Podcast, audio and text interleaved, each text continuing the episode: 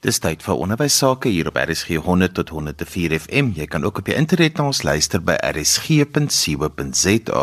Onthou RSG word ook op DStv se audiokanaal 813 uitgesaai. Vandag gesels ons oor twee onderwerpe. In die eerste gedeelte van vandag se program gesels ek met meneer Johan Mostert oor die uitdagings wat wetenskaponderwysers in die gesig staar. In die tweede gedeelte van vandag se program gaan lê ons besoek af by 'n onafhanklike skool op 'n plattelandse dorp om uit te vind watter uitdagings kleuters in die gesig staar.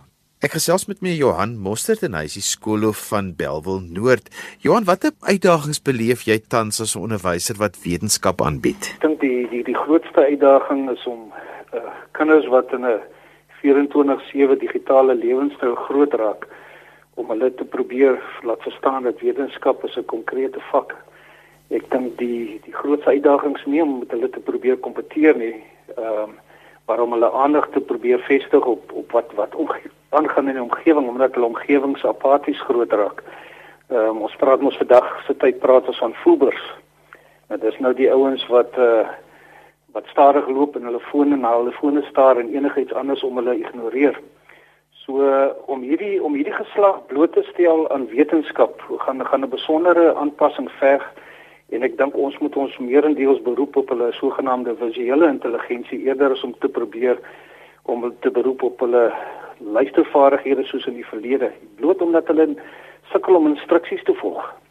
Johan, vertel 'n bietjie vir my hoe oorkom jy hierdie uitdagings dan in die klaskamer? Ek dink die die die grootste die grootste uh, uitdaging wat ou dan het is om die lesse so prakties en konkreet moontlik te maak. Ehm um, ou moet altyd probeer om om om fisiese eksperimente met hulle te doen, want omdat baie van hierdie begrippe vir hulle baie abstrakt is, is die hele idee dat 'n ou geleenthede vind om eksperimente met hulle te doen wat wat gerig is op op kom ons sê net maar ruimte, driedimensionele ruimte om hulle uit te vat buitentoe om vir hulle wanneer hulle praat byvoorbeeld 'n graad 5 van grondtipes om hulle fisies aan die grond te laat vat, om hulle aan kompos te laat ryk, om hulle te laat meng, om om om met hulle wanneer jy byvoorbeeld 'n graad 5 moet praat van van metale om hulle fisies te laat blink vryf, om hulle magnete te laat verskillende metale te laat toets om te kyk wat is kobalt, wat is nikkel, wat is yster.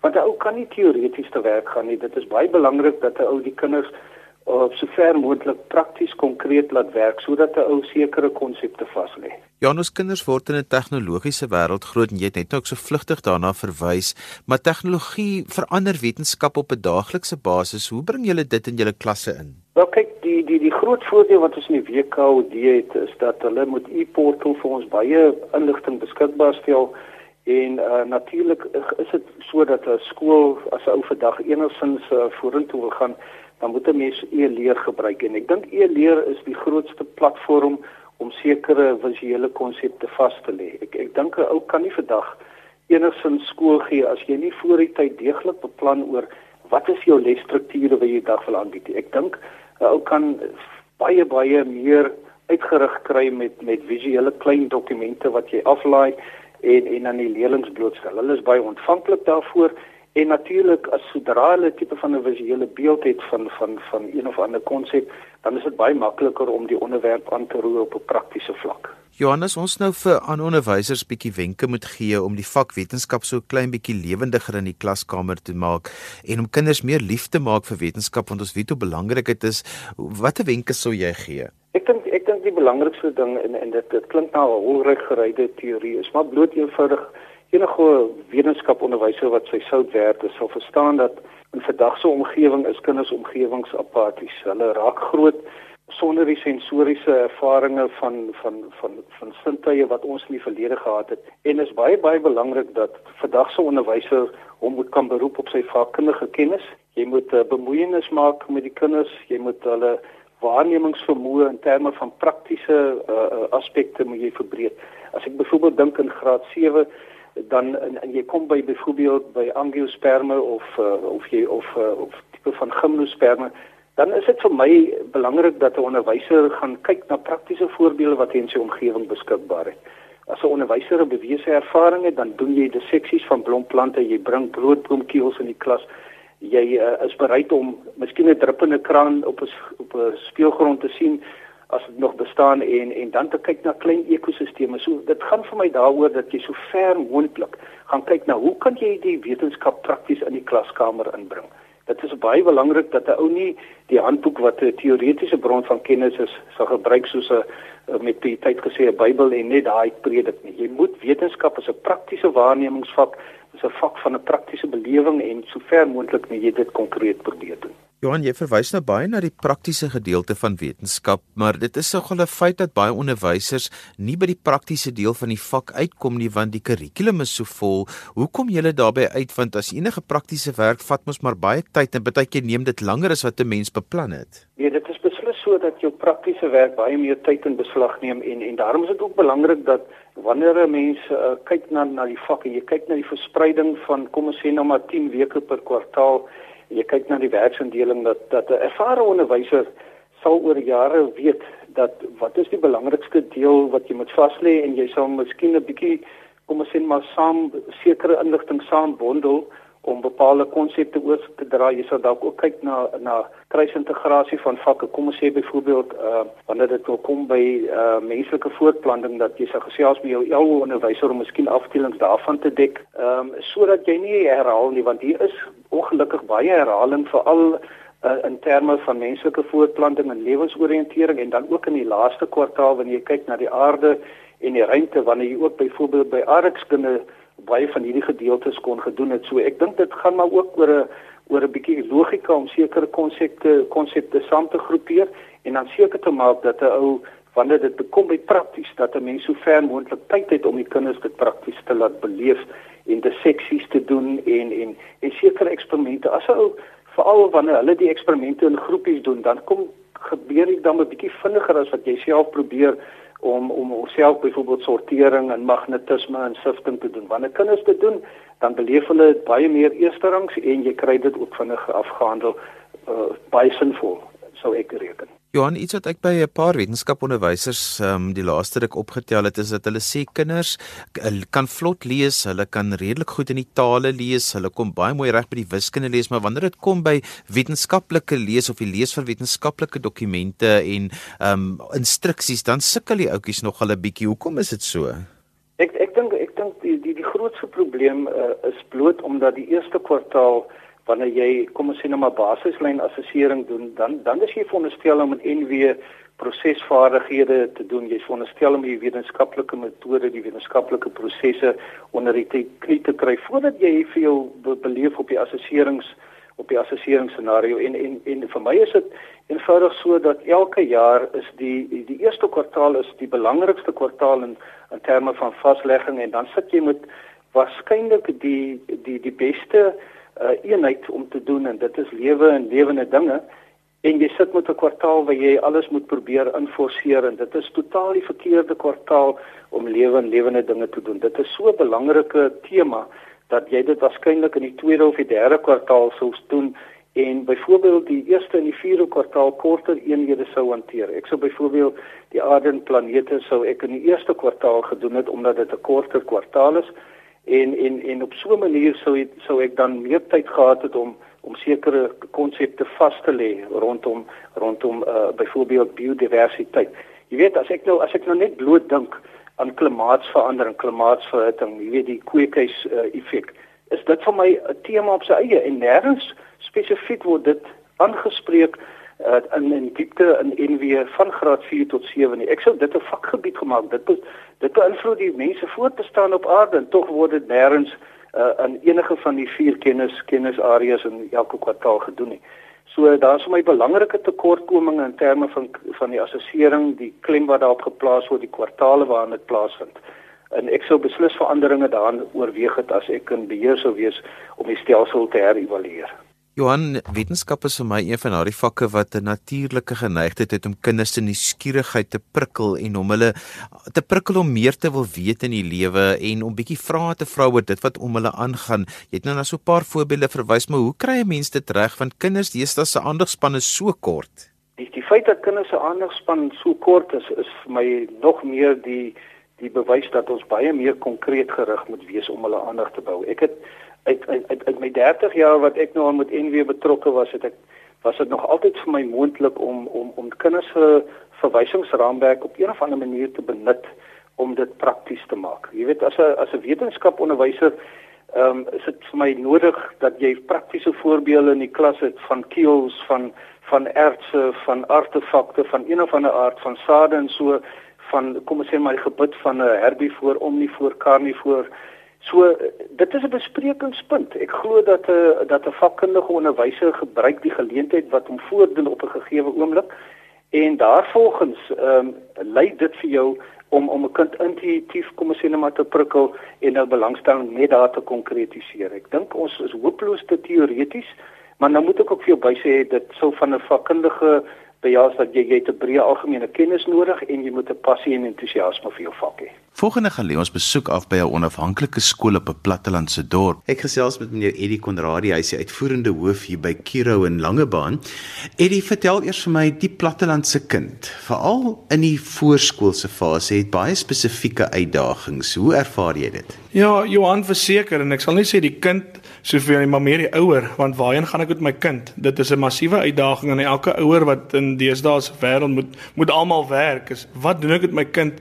Gaan my kind veilig wees en waar gaan my kind uh, waar gaan my kind bly terwyl ek werk? En om met daai rustige hart te, te gaan sit agter 'n kantoortafel, dit is belangrik dat uh, dat ons moet omsien na die kinders. Nou jy was by Katoo en jy's nou by Langebaan en jy het albei Kiro Castles daar. Hoe maak Kiro Castle voorsiening jy spesifiek vir die plattelandse kind se uitvalle en ook uitdagings waarmee hulle te doen kry?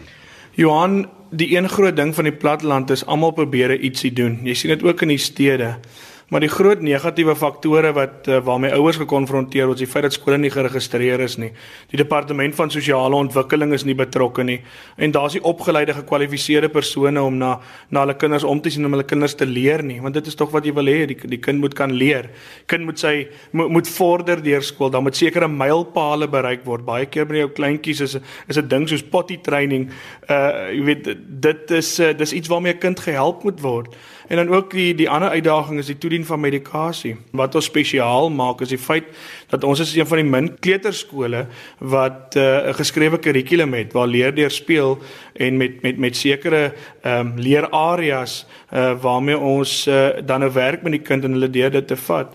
En 'n uh, ander ding is ons werk baie nou saam met met die departement van sosiale ontwikkeling of die, die skooltjie nou gevestig is in Pretoria, George, Durban, Langebaan of Katoo. Ons beleid is dat ons ons stel ECD gekwalifiseerde onderwysers aan wat na die kinders omsien en wat ons kurrikulum kan dryf en dis so van kardinale belang. Nou, julle is baie spesifiek ingestel op die werkende ouer. Hoe maak julle voorsiening dat daardie kinders genoegsame aandag sal kry asof mamma en pappa of ouma en oupa na hulle gekyk het? Ja, dit is baie belangrik is daai stimulering van die kind want ek wil nie net hê uh, die skool wat ek bestuur moet 'n teken en 'n inkleer en 'n en 'n TV kyk dag uh, hardloop nie. Daar moet verseker iets gebeur en die kinders moet gestimuleer word. En ek dink terug by die kurrikulum.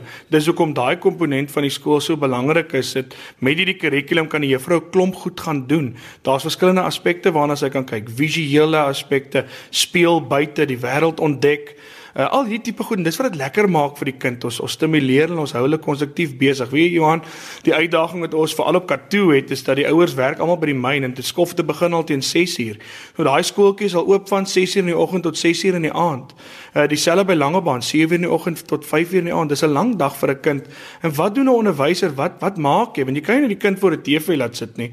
Ehm um, en daarom is dit so belangrik dat die onderwysers korrek opgelei moet wees en en, en ook dat ons opleiding binne in die skool ook doen dat hulle kan sien maar dis hoe die kurrikulum werk, dis wat ek kan doen met die kinders. Ek hoef net op een ding te fokus nie. Daar's 'n klomp aspekte of goed wat ek kan in my klasie kan inbring om my kind konstruktief besig te hou. Nou iets wat vir my belangrik is is dat die voorskoolse fase baie informeel moet wees. Nou hierso is 'n vorm 'n deel van 'n kampus, dis deel van daar's 'n laerskool, daar's 'n hoërskool, daar's 'n tegniese skool. So alles is op een groot kampus. Hoe behou julle daai informele aanslag? Ja, dit is nog 'n goeie vraag, ja, maar is is, is nie lekker nie. En jy weet dat jy jou kind van 3 maande oud waar nog 'n pappa babatjie is, kan jy gaan regdeur met graad 12 en jy kan die hele onderwysloopbaan met een skool en en onderwysers later dan raak jy so deel van die skool se gemeenskap in sy hart klop dat uh jy weet daar daar is nie vir jou iets anders of 'n ander keuse nie. Maar uh, baie baie belangrik is is die manier hoe jy hoe ou die die kasteeltjie uh, bestuur of die kleuterskool bestuur uh en en, en ook om die onderwysers betrokke te maak.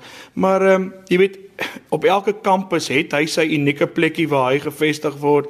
Uh die veiligheid rondom hom, al is dit op dieselfde kampus, ons maak seker dat daar 'n spasie afgebaken word waar binne die die kinders kan speel en en ons gee hulle genoeg tyd om om te kan gaan buite speel en en baie keer is dit ook lekker vir die ou kleintjies om te kan kom. Ek vat nou byvoorbeeld ons het interskole gehad en, en hier kom die kleintjies en hulle het almal hierdie cheerleader pompom goedjies wat hulle rondskit en hulle voel ook deel van die skool en kyk op na die groter kinders. Fyn balans om te handhaaf, maar uh, dit word eintlik baie maklik gedoen want ons almal voel deel van een groot familie. Ek is Annelie Victor, ek is die hoof van Kirikasel in Langebaan. Die die kurrikulum is so ontwikkel dat uh, wanneer dit um, in die, in die klasse toegepas word, dat dit op 'n op 'n spelender wyse toegepas word. Enige iets wat hulle doen daar of dit nou kreatiewe werk is en of dit nou groot motoriese ontwikkeling of klein motoriese ontwikkeling, maak nie saak wat dit is nie. Dit vind plaas op op 'n spelende spelende wyse. So ehm um, ons kinders die blootstelling wat ons kinders kry daar is uh, van onskatbare waarde en ons kurrikulum laat dit toe. I'm Elmena Konradi en ek is by die Kasteel in Katoo. Ek is die fase hoof daarso. Die behoeftes van 'n plattelandse kind by 'n voorskoolse sentrum. Hoe ervaar julle dit? Um ek sal nogal sê met ondervinding uit 'n stadskool en uit 'n plattelandse skool. Um ek sal regtig sê die behoeftes of die kinders verskil nie want ouers moet oral maar deesdae werk en lang ure werk. Dit is ek wil sê die die behoefte van die ouer het vir my groter geraak met goeie versorging vir hulle kinders deesdae.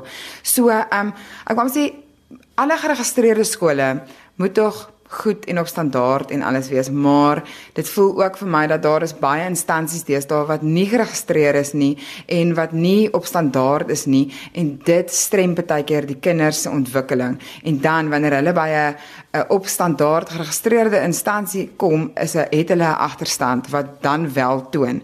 Maar wanneer jy 'n kind van ek wil amper sê ontvanklike ouderdom af in 'n in 'n goeie sit met 'n goeie kurrikulum, goeie ehm um, ontwikkeling wat vir die kinders, dan is alle kinders op standaard. So of jy nou 'n kind sien nou maar byvoorbeeld uit Katoo uit met skuif Johannesburg toe. Daai kind sal sal goed kan aanpas van 'n van 'n plattelandse kierou na 'n stadskierou want alles wat ons bied is dieselfde.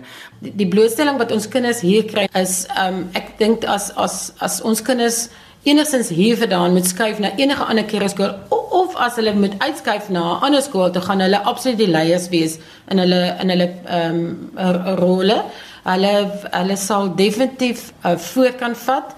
Ehm um, ek dink net daar's geen verskil vir my van 'n plattelandse skool na 'n stadskool nie. En so gesels onderwysers van Kiro Castle Binnekort gaan ons ook besoek af lê by 'n kleuterskool op 'n plaas en ons gaan ook bietjie gesels met 'n multigraad skool om uit te vind wat die uitdagings is waarmee hulle te doen kry. En daarmee het ons dan ook aan die einde van vandag se program gekom. Onthou jy kan weer na vandag se program luister as 'n potgooi. Laat dit af by resgep.co.za. daarmee groet ek dan vir vandag tot volgende week van my Johan van Lille. Totsiens.